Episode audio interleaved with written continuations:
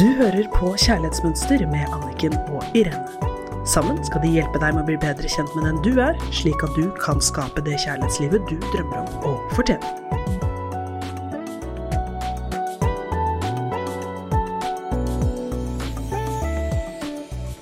Hei og hjertelig velkommen til Kjærlighetsmønster her i studio med Irene Hesling og Anniken Lien Mathisen. Vi skal jobbe videre i dag med bevissthet, og at det viktige er hva du velger å gjøre fremover. Vi skal prate om de forskjellige tolkningene av virkeligheten som skjer ubevisst, og hvordan det påvirker valgene våre så sterkt. Og inspirere til tenk så gode valg vi kan begynne å ta hvis vi er bevisst på dette. Vi skal altså prate om sorteringen som foregår ved at vi utelater, forvrenger eller generaliserer informasjonen vi mottar hver eneste dag. Vi begynner med når vi utelater informasjon. Når vi tolker virkeligheten med utelatelser, overser eller unngår vi deler av opplevelsen i en situasjon og mennesker vi er sammen med.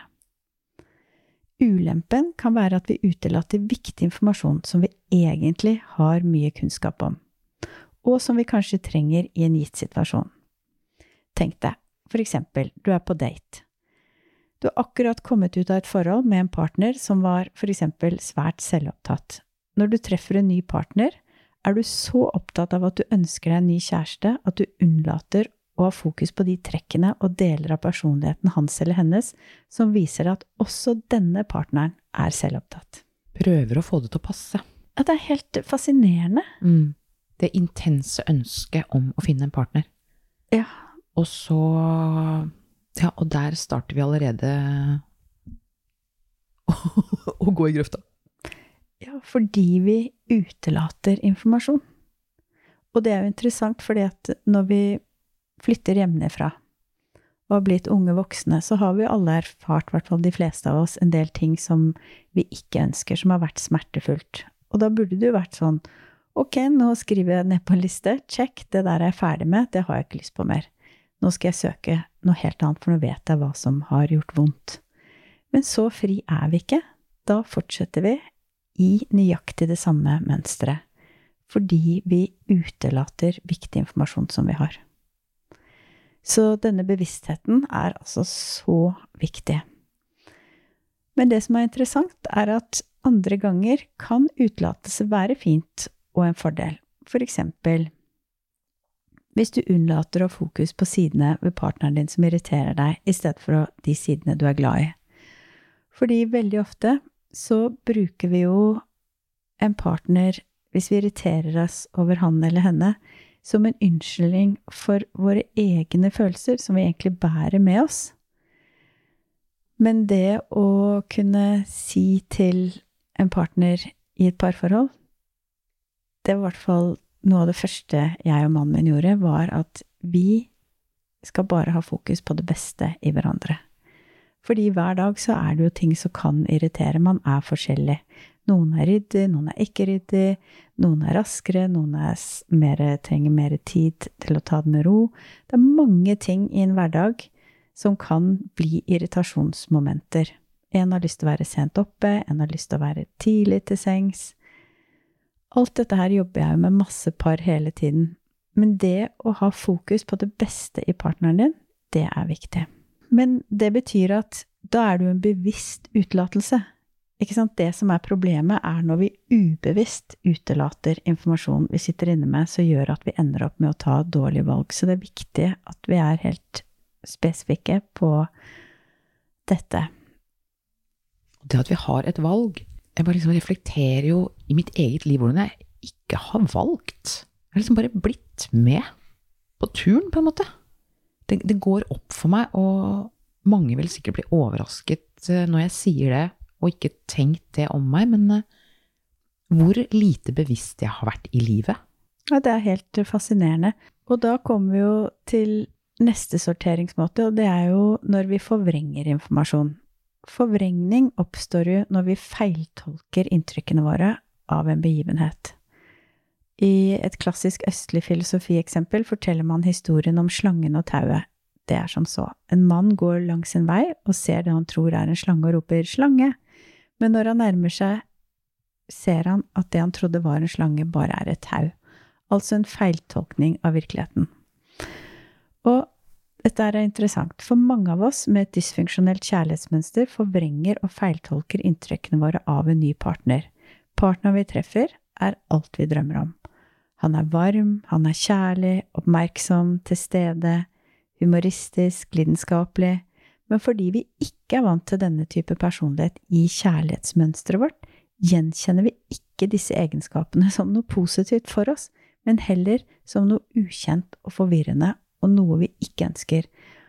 Og det jeg hører mest av mine klienter, er at han var alt det jeg ønsket, men jeg er ikke noe tent på han. Jeg har ikke fysisk lyst på han i det hele tatt, eller henne. Og det er så spennende, for dette dysfunksjonelle kjærlighetsmønsteret, det setter seg jo i tenningsmønsteret vårt. Og når vi ikke er forelsket eller ikke har lyst på nær intimitet med et annet menneske, så stopper jo det utviklingen av at det kan bli en intim relasjon. Vi forvrenger det vi opplever, slik at positiv partner sine egenskaper ikke føles tiltrekkende. Og det er spennende, for det er signaler som i utgangspunktet innbyr til forelskelse, blir forvrengt til noe vi ikke vil ha.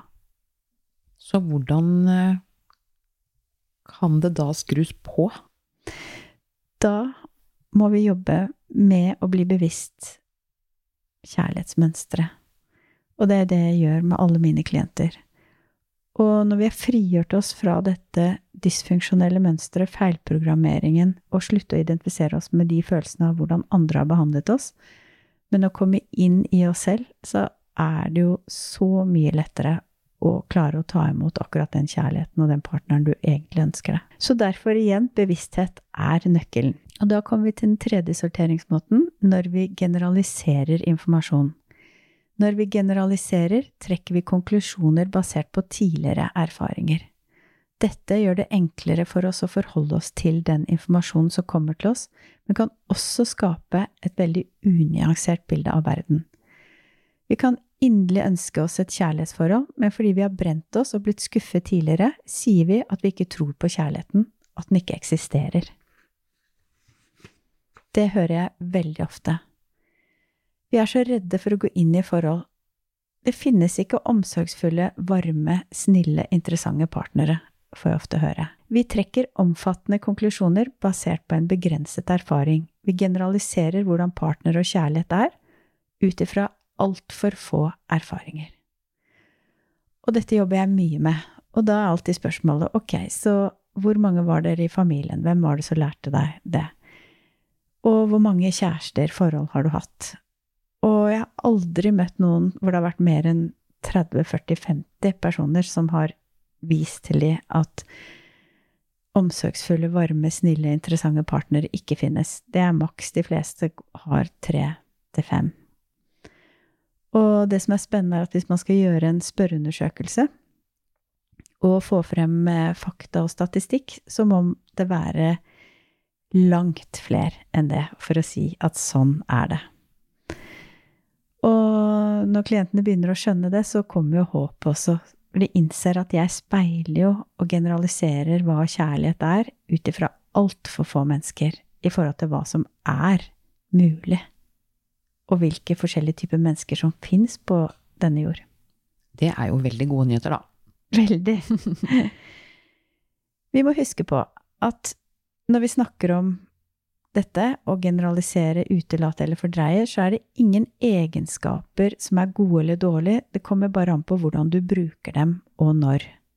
For igjen, som vi sa, det å utelate alt det negative, småirritasjon, det er jo positivt. Så hvis vi kan bruke det bevisst, så er dette fantastisk. Og det er viktig å forstå at prosessen vi benytter oss av, ikke er bra eller dårlig, de er nøytrale.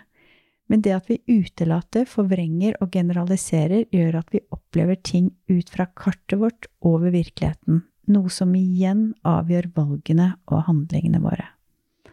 Er vi bevisst på dette, hjelper det oss til å forstå at vi ikke trenger å tro på alt vi tenker.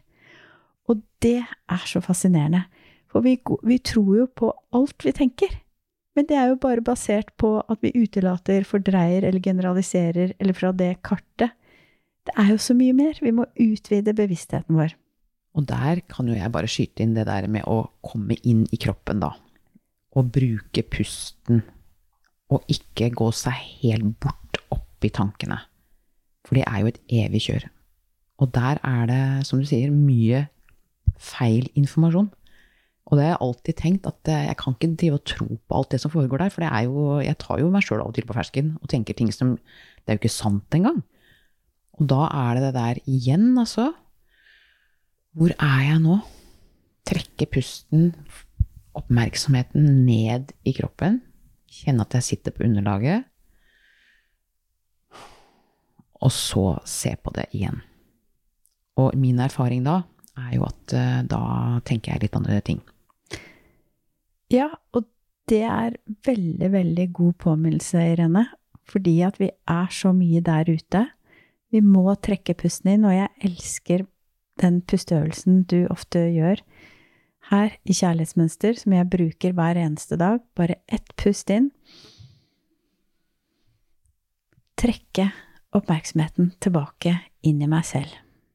Og da, når vi gjør det, så klarer vi å se kjærlighetslivet vårt fra et objektivt fugleperspektiv, der vi prøver å frigjøre oss fra vante måter å behandle informasjonen og forvalte bevisstheten vår på.